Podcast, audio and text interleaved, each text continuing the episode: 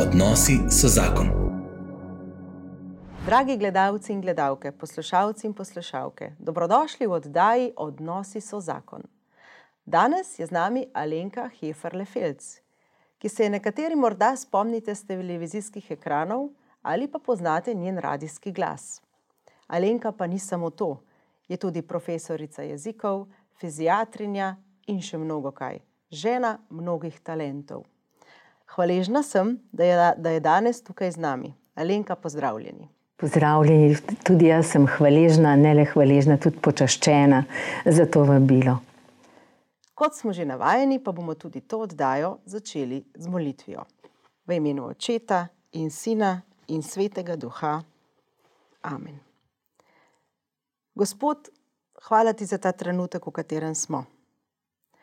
Spremljaj naj danes med snemanjem te oddaje, vodi naj ne misli in besede, da bova z njimi kazali na te in na vse, kar tako čudovito vodiš in delaš v naših življenjih. Blagoslavljaj nas in vse, ki bodo ta pogovor poslušali. Slava Očetu in Sinu in Svetemu Duhu, Kako je bilo v začetku, tako zdaj in vselej in vekomaj. Amen. v imenu Očeta in Sina in Svetega Duha. Amen. Alenka, še enkrat dobrodošla v našem studiu v Krškem. Jaz že dolgo nisem bila pred kamero, Alenka je preizkušena. No, tudi jaz že dolgo nisem bila pred kamero, oziroma pravzaprav no, pred nedavnim v nekem pogovoru o eutanaziji. Sicer pa uh, sem uh, že, že zdavnaj nisem več uh, domača s kamero. In Potem imamo pa obe ravno prav treme. kaj približno tako, ja, bi rekla. Ja, jaz sem še tukaj, kaj ne rečem. Stara, da se vas še spomnim, ne kot televizijske voditeljice, ko ste začeli z obdajo obzorja duha. Z radija se vas osebno ne spomnim, mogoče ga v tistih časih nisem toliko poslušala. Ko sem se pa pripravljala na ta najmen pogovor, sem pa presenečeno ugotovila, ne, da je bila vaša življenjska pot zelo pestra in razgibana, da vas je vodila skozi različne, zelo različne poklice. Pa dajva začeti na začetku. Odkot ste doma, v kakšni družini ste rasli? No, doma sem iz Ljubljane. Um, družina, v kateri sem rasla, je bila zelo topla, uh, ampak bila sem sama. Na srečo sta tako oči kot mami iz številnih družin.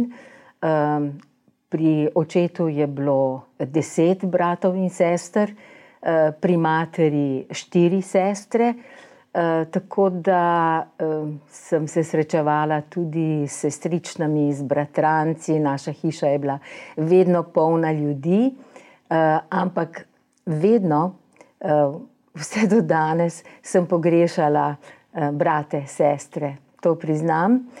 Um, je pa res, uh, kot rečeno, da sta mi mami in oči uh, nudila zelo topel dom. Tako da, ko sem recimo opazovala uh, svoje uh, vrstnike in njihove starše, sta se, sta se mi moja dva zdela neverjetno imenitna. In uh, se spominjam, ko sem bila sem še predšolska, mogoče med štiri, od 4 do 5 let, tam nekje, sem vprašala, kako da sem se jaz znašla v tej družini, odkot prihajam. In njuna razlaga je bila, da ste me kupila, in jaz sem si zelo plastično predstavljala pač nek prostor, kjer, je, eh, kjer so zloženi ti dojenčki. In potem se mi je, pa kako da ste izbrala prav mene, da ste izbrala prav mene, in uh, sta mi rekla, ja, najbolj si nama bila všeč. In meni se je to zdelo tako imenitno, sem rekla, jo, a si predstavljate, da bi me kjer drug izbral. In res uh, že uh, ta hvaležnost, uh, da sem v družini, kakršni sem, da imam starše, kakršne imam, uh, je bila mi usajena že, že od otroških let. Mm -hmm. um, no, tako. Drugače. Uh, Sva pa v isti hiši stanovala še ena družinica, ki je prav tako imela eno hčerko, in s to prijateljujeva še danes. Vmes je, bila sicer, je bil sicer dolg premor, ampak že takrat, kot otroka, sva se izjemno dobro razumeli, bili sva kot sestrici in enako dobro se razumeva danes, kar imava za čudež in dar. To je pa res nekaj posebnega. Res, ne? res. Ja. In vi ste danes že upokojena? Kot za upokojence velja seveda tudi na polno zaposlena. In upokojili ste se kot zdravnica, ampak to ni bila vaša prva poklicna pot? Najprej ste doštudirali jezikoslovje. Ja, res je. Ta moja pot je bila res malce vijugava. Pravzaprav sem že kot otrok, recimo, če je mami bolela glava, sem ji dala, sem ji z veseljem prinesla aspirin ali karkoli kombiniran prašek takrat. In sem rekla: "Veš, mami, ke bom jaz velika, bom pa zdravnica, pa te bom pozdravila." No, ampak potem so prišla pubertetniška leta, tista leta, takrat se je tudi moja prijateljica, njena družina se je preselila. Takrat ni bilo seveda mobijev, da bi imeli, da bi lahko vzdrževali kontakte, stike. No, in takrat, v prav v tem najranljivejšem pubertetniškem obdobju, v gimnazijskih letih, sem se pravzaprav počutila precej osamljeno. Nisem, čeprav sem imela rada šport, se nisem vključila v nobeno redno športno dejavnost, tako da po tej plati nisem imela posebne družbe. V razredu nismo bili zelo dobra skupnost, pa tudi s cerkveno skupnostjo nisem imela stikov.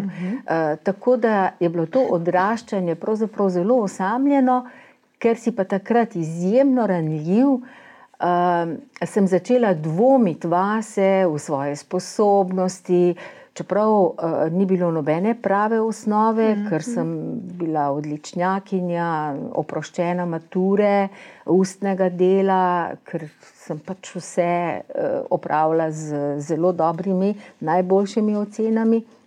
Ampak kljub temu me je začelo stiskati, kaj pa, če morda bi bili pa jeziki primernejši zame, ker mi grejo s tako lahkoto, ke se mi skoraj ni treba učiti, pa bom poskusila in tako. In tako sem se vpisala na jezike, ampak dvomi so bili veliki. In potem vem, da sem šla po maturi k teti, ki je bivala v Nemčiji, očkovi sestri. No, in njena, ena njena znanka je bila šlogerca. In ta gospa se me je lotila. Zdaj, ko je prvič mi tam nekaj govorila iz kart, se me sploh ni dotaknilo, ne. Ampak gospa me ni spustila nekako iz rok in je to ponavljala večkrat. In vem, da je, da so tiste njene besede takrat povzročile še večji nemir v moji duši. namesto da bi me bolj prizemljila, me je popolnoma zmedla. In ko sem bila v prvem letniku, pa potem še tudi, sem imela težave s koncentracijo, s tesnobo in z nespečnostjo, nekaj, česar prej sploh nisem poznala. zgodbo pripovedujem zato, da bi posvarila pred tovrstnimi praksami, ki so zelo razširjene, so pa izjemno škodljive za človeško psiho. in jaz sem pravzaprav čutila, da moja, da to ni tista moja pot, čeprav je, je bil študij razkošen, zanimiv, a ne, ampak v tistem, v tisti dobi nisem bila sposobna, da bi preklopila, da bi se, da bi presedlala z ene fakultete na drugo, nisem bila sposobna neke jasne odločitve, ker tega videnja ni bilo jasnega. In potem sem si rekla, začeto delo je dobro dokončati, na vse zadnje, to je to izrazito človeško razmišljanje, karkoli delaš, če delaš to s srcem, z ljubeznijo, izpolniš namen. Mm, no, in tako sem dokončala. In potem me je pot vodila, na, takrat se spominjam, me je štipendirala Republika izobraževalna skupnost. -huh. Ko sem končala, končala sem med prvimi, mislim, da smo dve končali v letniku tako hitro. Uh, se je izkazalo, da za me nimajo uh, nikakršnega službenega mesta, uh, in so me odvezali vseh obveznosti, celo nagrado so mi dali za uspešen študij. No, in jaz sem potem iskala po celi Sloveniji profesorsko mesto, ker se mi je zdelo, če sem že končala Eh, študij angliškega in francoskega jezika, če sem po nazivu profesorica mm -hmm. teh dveh jezikov, je smiselno, da gremo ta poklic. No, in uh, izkazalo se je, da ima slovenska gimnazija v Kopru prosto mesto, da iščejo profesorja, in sem se prijavila uh, in dobila to, ampak potem se je pa začelo to, kar je bilo pravzaprav pričakovano, če človek ne sledi tistemu primarnemu klicu. Mhm. Uh, razumela sem se z dijaki, izjemno sem jih imela rada. In tudi oni mene, seveda, bila sem mlada profesorica in dijaki imajo radi mlade ljudi. Mm. Samo nekaj let je bilo razlike med nami. Ampak uh, vame se je naselila neka, neka praznina, se je naselila vame. Uh, ne, nisem vedela, zakaj. Zakaj me to ne napolnjuje, zakaj, zakaj je v meni vedno nekaj neizpolnjenega.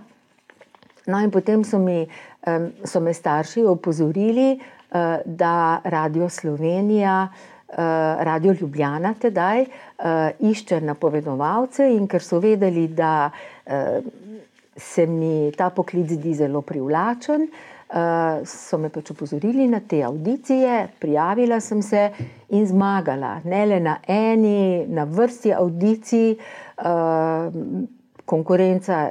Je bila sicer številčno zelo velika, mislim, da je bilo na prvi, na prvi Eh, audiciji prijavljenih kakih 300 ljudi, ampak eh, seveda so pa tisti, ki se prijavljajo, včasih tudi nekoliko nekritični. Mhm.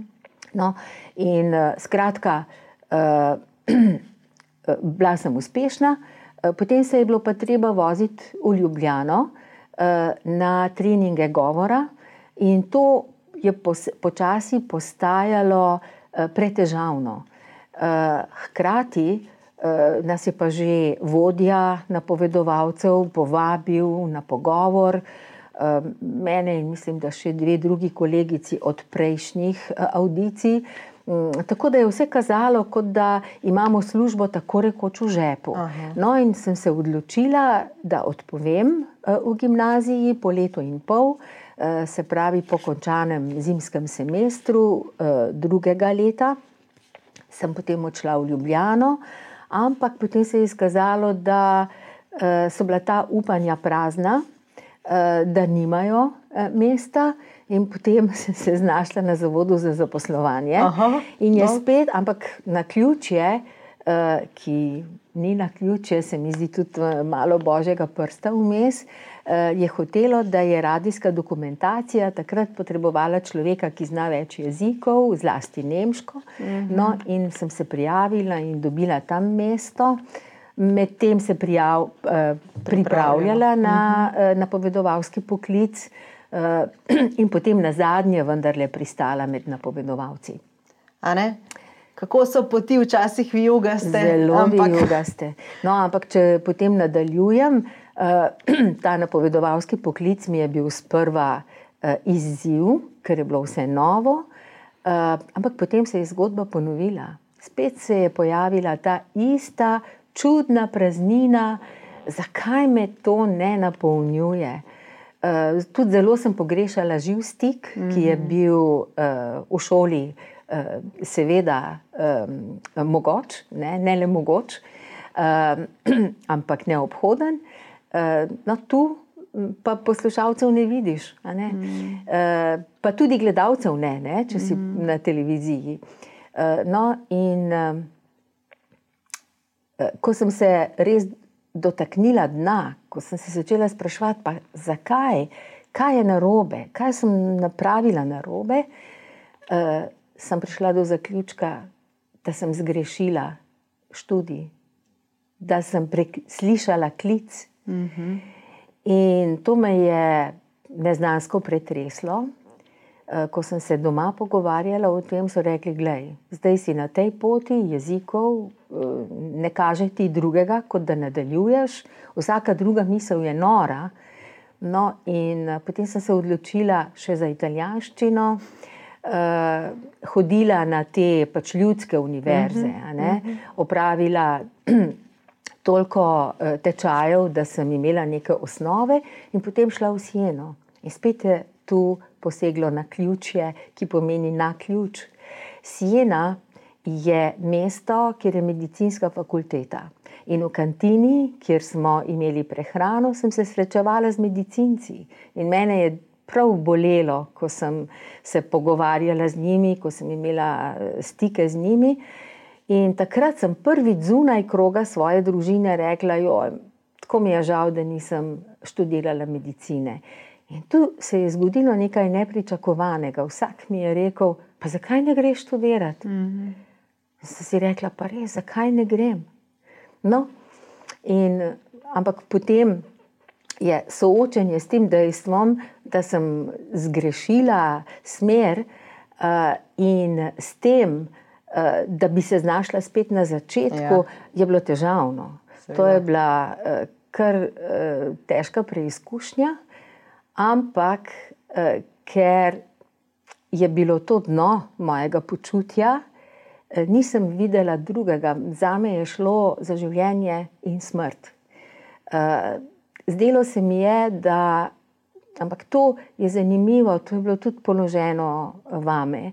Če bom nekoč polagala račune, kako, se, kako bom lahko opravičila, da nisem šla, kljub temu, da se dobesedno lomi v meni uh, zaradi tega močnega klica. Mm -hmm. No, in tako.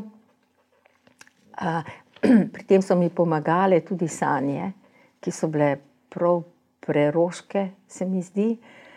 Namreč to je, bil, to je bilo na pragu 80-ih, ko so se začela prikazovanja v Medžugorju. Uh mhm. -huh. In takrat sem jaz sanjala, da sem se znašla v neki temačni čumnati. In tam je bila neka, neka, nek žleb, Eh, podoben toboganu. Eh, na dnu tega žleba je bila krogla, eh, kot nekakšna temna žoga, ampak meni se je zdelo kot topovska krogla. Mhm. In ta krogla se je nenadoma začela premikati proti vsem zakonom težnosti navzgor.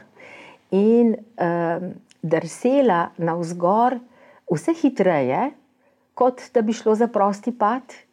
In uh, ko se mi je zdelo, da bo butnila ob steno in se odbila nazaj, se je izkazalo, da je tista stena iz lepenke in je steno prebila, in na drugi strani je bila ena sama svetloba in mir in livada, mislim, da tako približno izgledajo nebesa. In v tistem sem se prebudila, in zdelo se mi je, da se soba moja koplje v neki čudni svetlobi, segla sem po očalih in svetloba je ugasnila. Uh, ampak mene so ta, te sanje spremljale potem skozi vso mojo pot, ker uh, so me navdajale z upanjem, uh, ne glede na to, kako težka je situacija. Uh, poglej, pri Bogu je vse mogoče, celo zakone težnosti, težnosti. lahko premaga. No, in potem se je začelo, no, sem se upisala, da ne bom predolga. ja, če lahko se še čist malo vrnemo na radio, pa bomo potem spet šli naprej na medicino.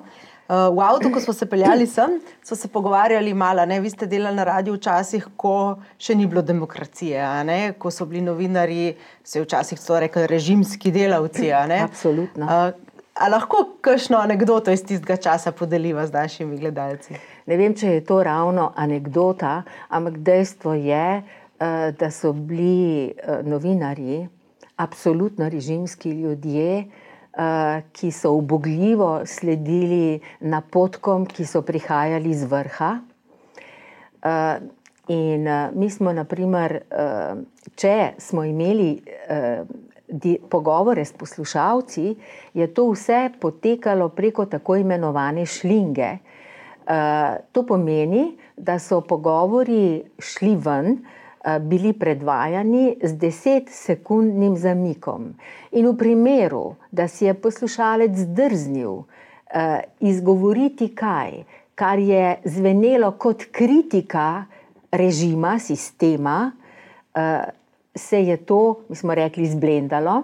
Skratka, ni prišel v eter, preprosto se ga ni pustilo v eter. Uh, in uh, ta režim je trajal uh, kar zelo dolgo, mislim pa, da se je začelo, začela zadeva rahljati že proti koncu 80-ih let.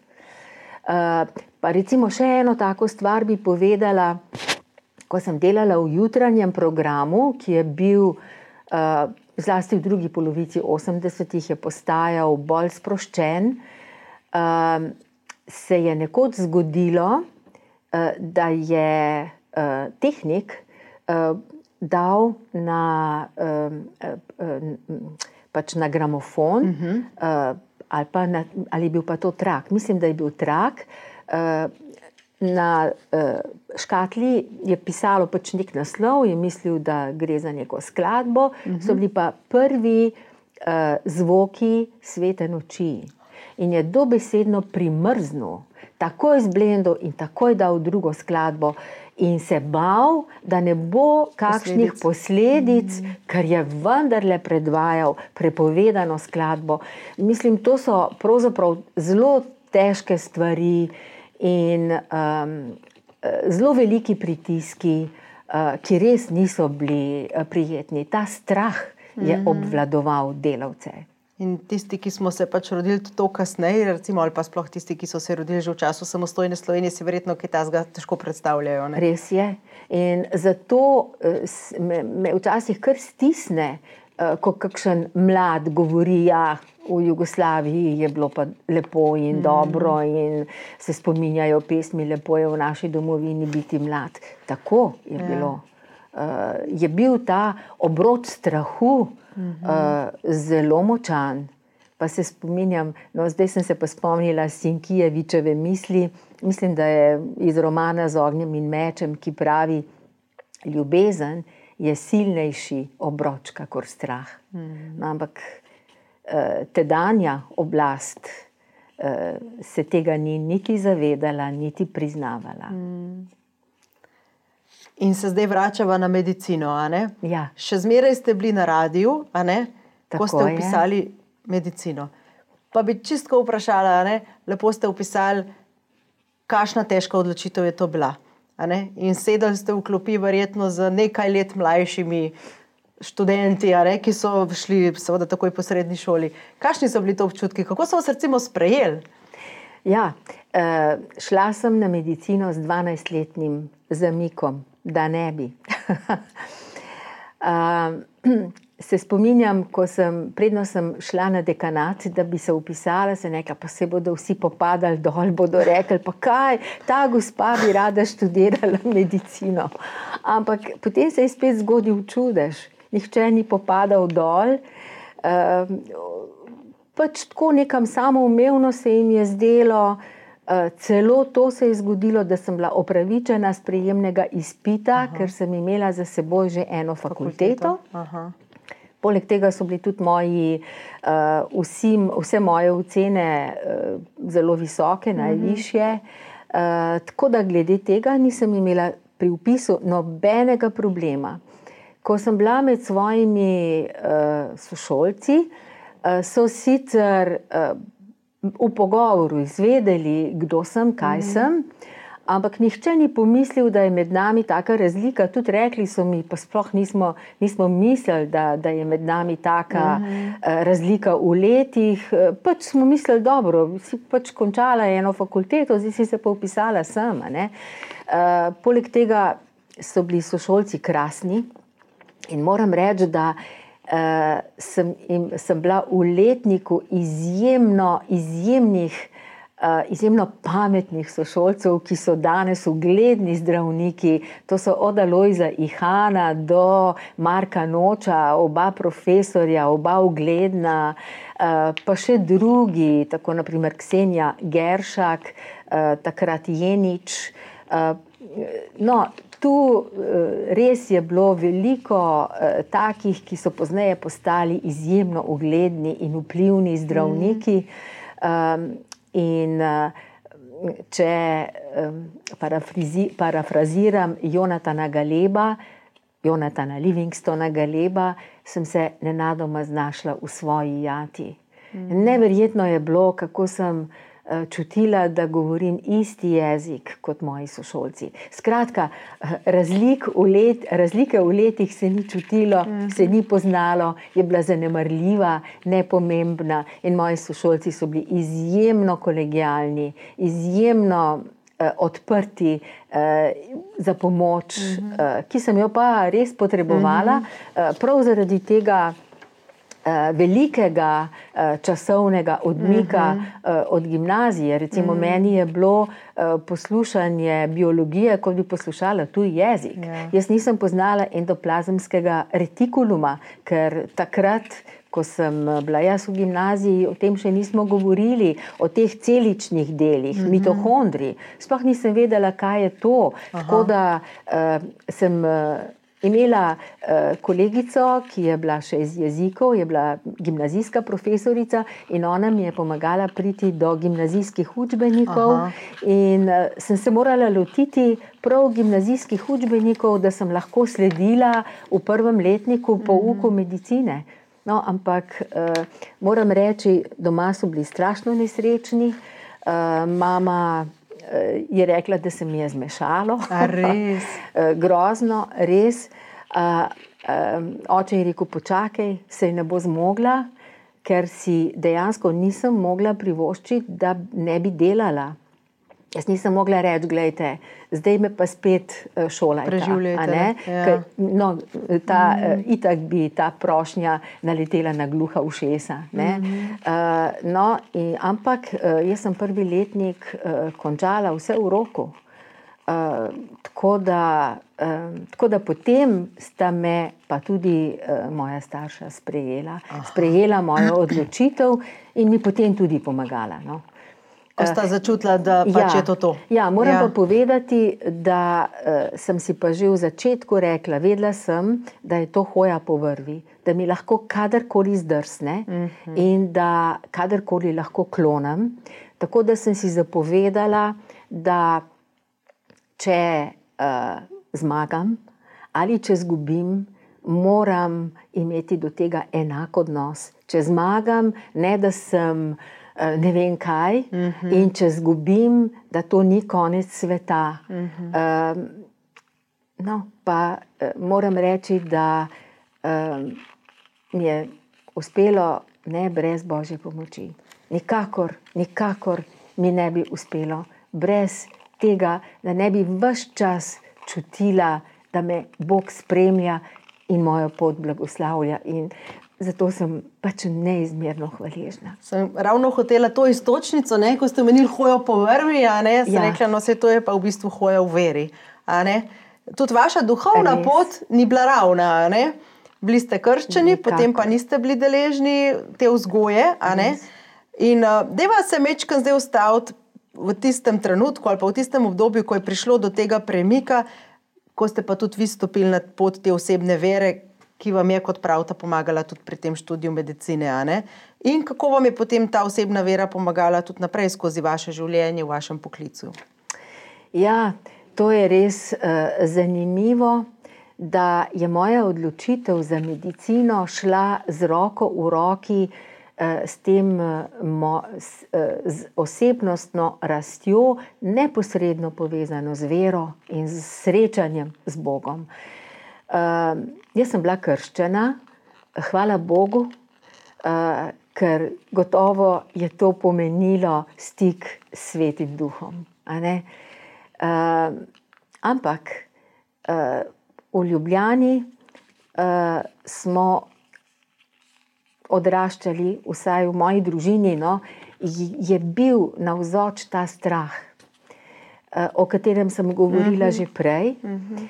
In uh, moji mami zlasti se je zdelo, da uh, ni prav, da bi me izpostavljala s tem, uh, da bi me uh, vključila v uh, verouk, mm. uh, v crkveno življenje. Uh, vedno je poudarjala, pomembno je, da živiš pošteno, uh, da uh, spoštuješ ljudi, da si dober do njih.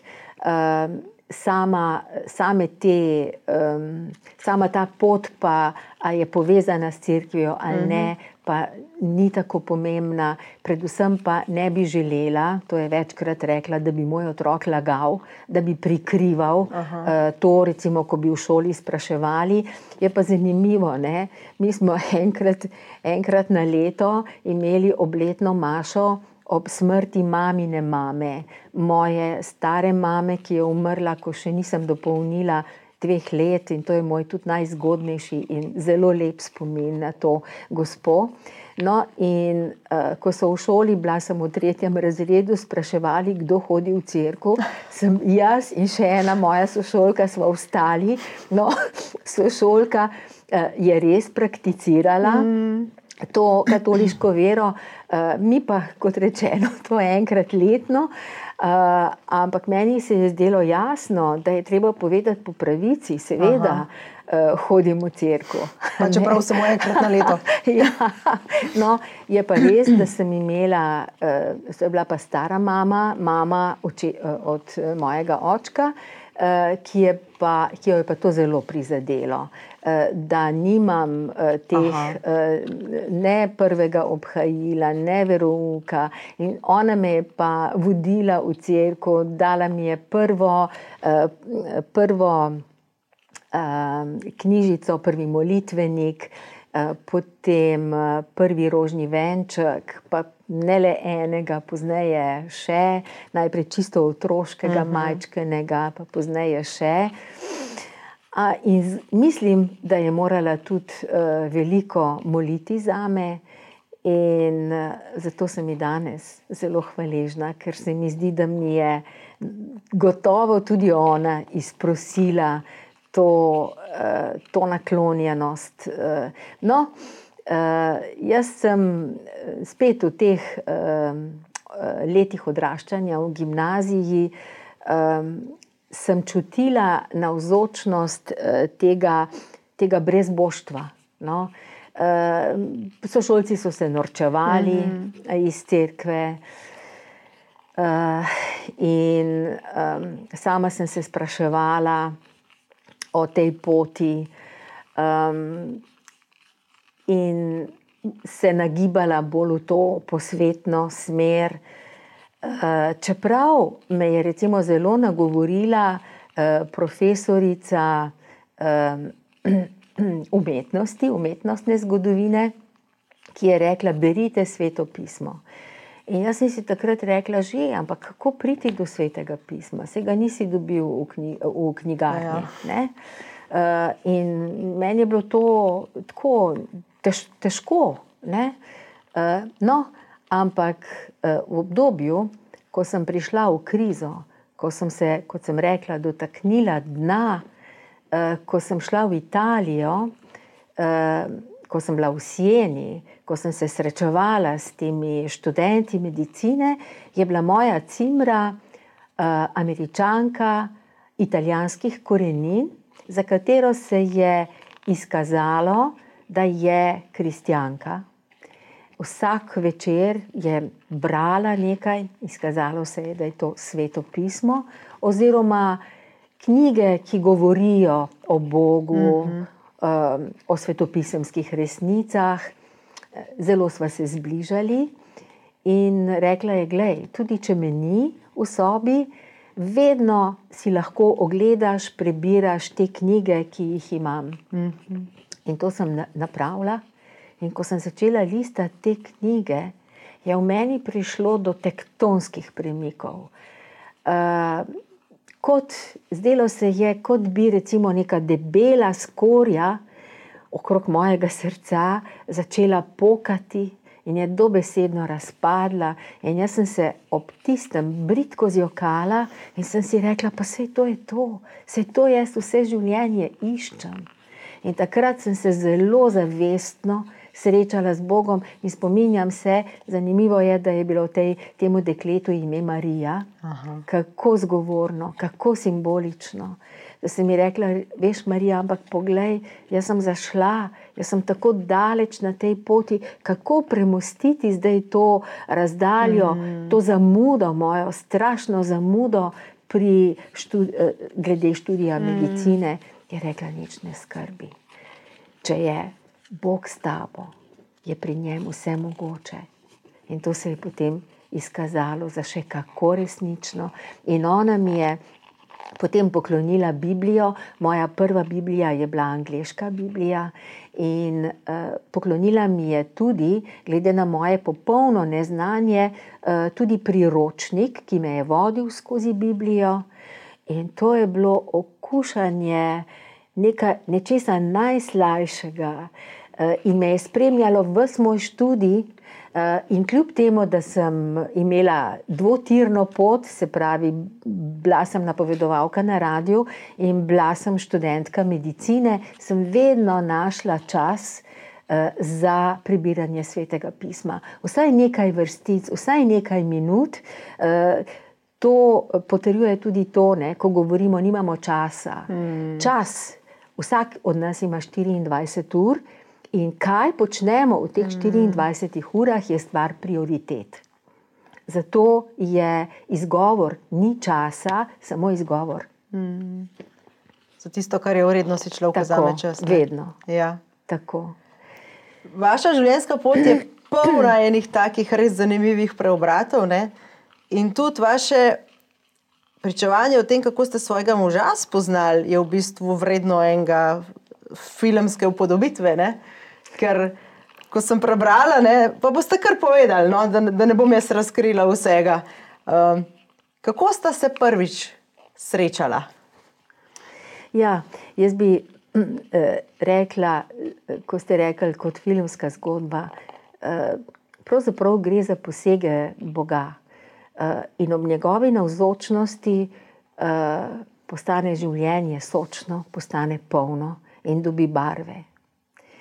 Eh, in to sem še kako močno občutila. Um, ja, uh, ko sem šla v medicino, sem se pravzaprav spraševala, glej, Bog, uh, nisem srečala človeka, s katerim bi si bi lahko krenila na skupno pot. Ne vem zakaj, ker si tega zelo želim, mm -hmm. ampak naj se zgodi tvoja volja, ne moja. V resnici sem tako razmišljala, čeprav eh, se zdi to tako nekam morda zguljeno, ne vem, mm. ampak v resnici sem tako razmišljala. In um, bila sem v drugem letniku, opisala sem se že v drugi letnik, ko je prišla k meni uh, kolegica uh, iz Koperske gimnazije in mi prinesla knjigo Osamelce in mi povedala, veš, avtor te knjige je idrijski psihiater, uh, je na vozičku uh, in uh, ko se mi je podpisal, sem videla, da že nekoliko težko piše.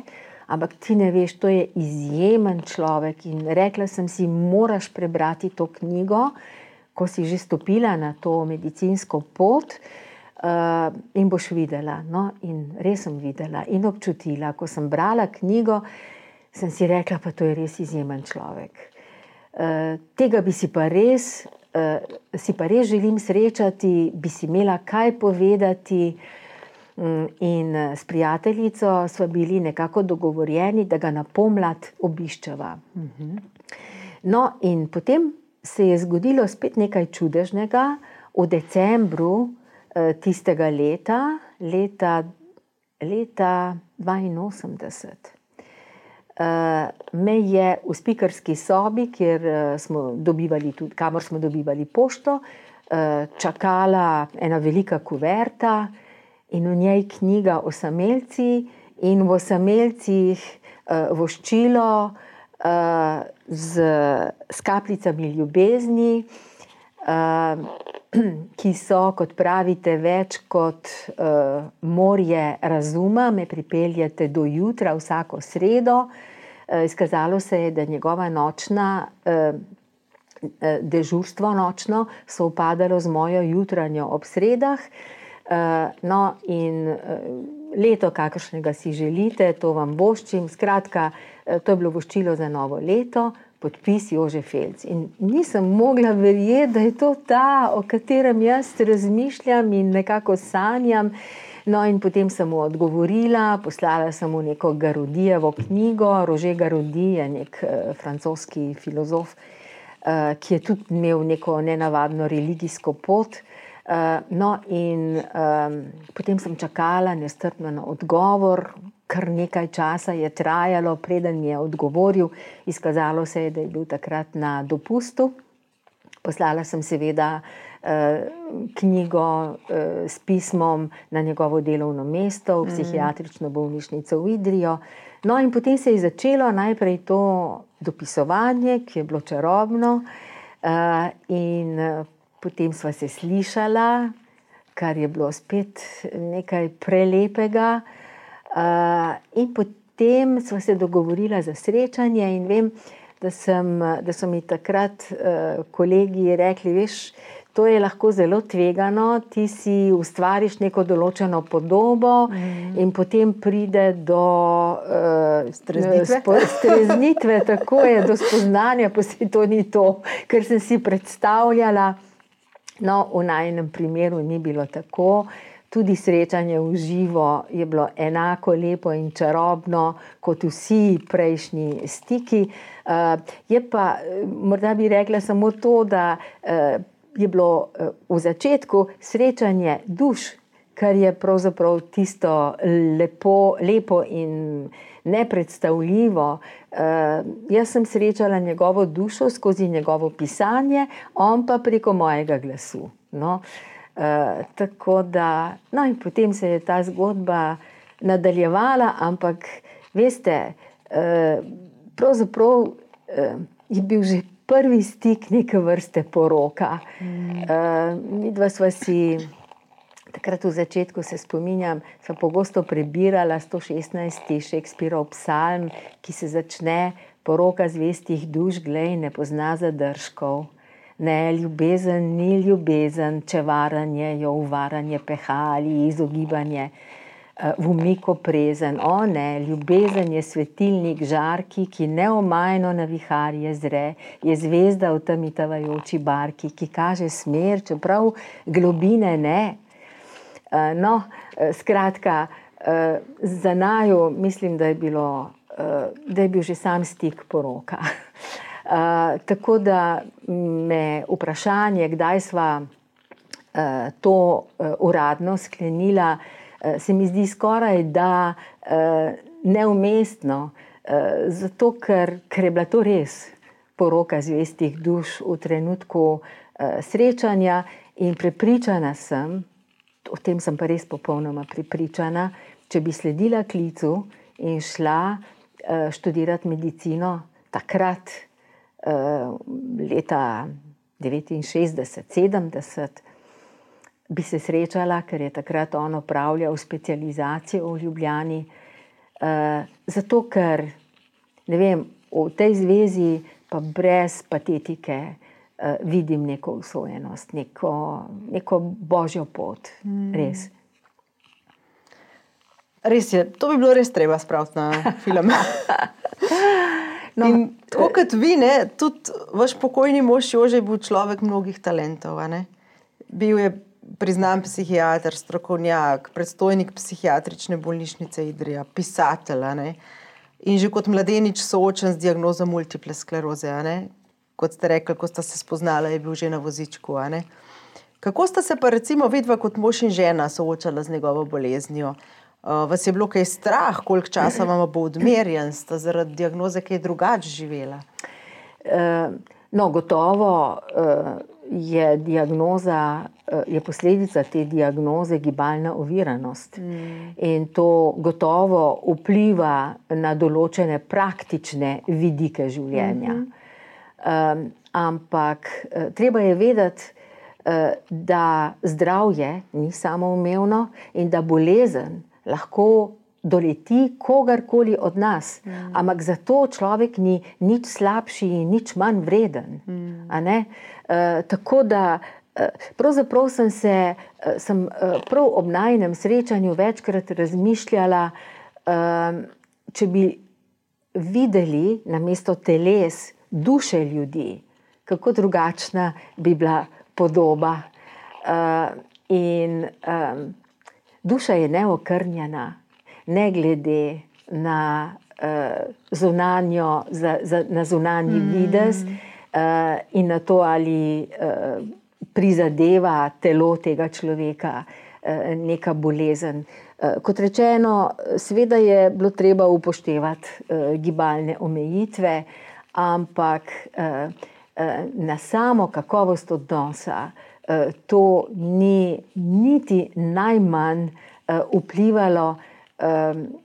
Celo zavedanje o dragocenosti življenja, eh, o dragocenosti trenutkov, ko smo skupaj, je bilo še toliko večje. In zavedanje končnosti je bilo, seveda, tudi vse čas navzoče. Ampak ravno to daje življenju še nekaj poseben sok in neko globljo vsebino. Mm -hmm. Ker ko ste vi obljubili v, zdrav, v bolezni in zdravju, ne, ste, ste vedeli, kaj obljubljate. Ne? Je, Večina je nas pa to, ne ve. Ne? je bilo to smrtno resno ja. mišljeno. Ja. Res, smrtno resno. Kaj bi recimo svetovali mladim, ki se danes ne odločajo za poroko, ne, iz takšnih in drugačnih razlogov? Na podlagi te vaše izkušnje? Zakaj, recimo, vidva se, sta se poročila, čeprav sta, kot ste sami rekli, svojo zavezo sklenila že prej. Kakšna je pa vseeno razlika, ko ti prejmeš tudi zakrament svetega zakona? Ja, to je dobro vprašanje in je res uh, to, mi dva sva takoj čutila, da sva drug od drugega, da sva nekako iz istega testa, iz istega kosa.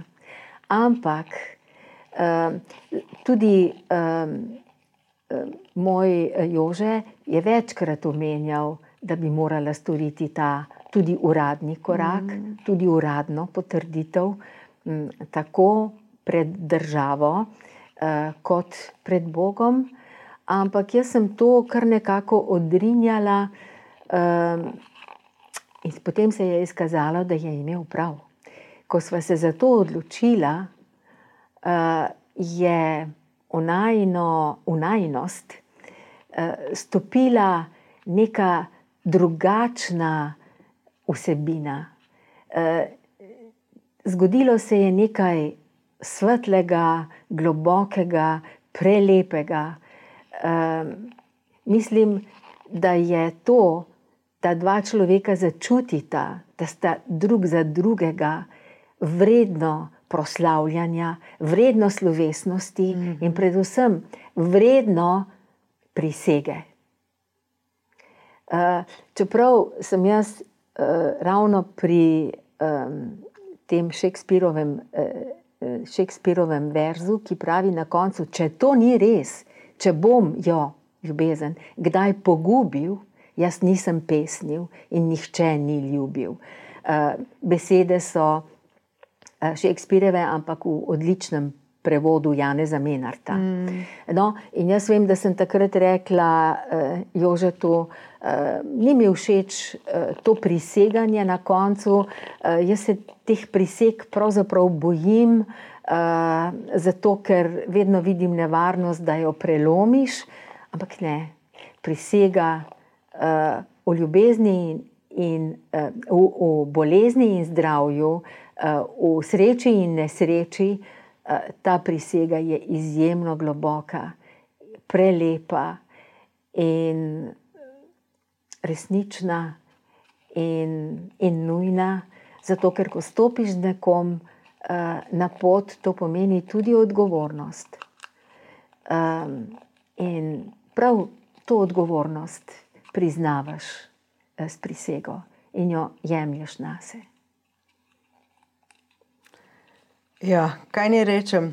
Bližava se koncu najnega pogovora, še bi vas lahko poslušala, verjetno tudi naši poslušalci. Eh, bi pa na koncu odprli še eno temo, v zvezi s katero ste se v zadnjem času tudi vi osebno precej angažirali. Eh, pripravlja se zakon o eutanaziji, um, o legalizaciji eutanazije tudi pri nas oziroma eh, samomoru s pomočjo. Tako.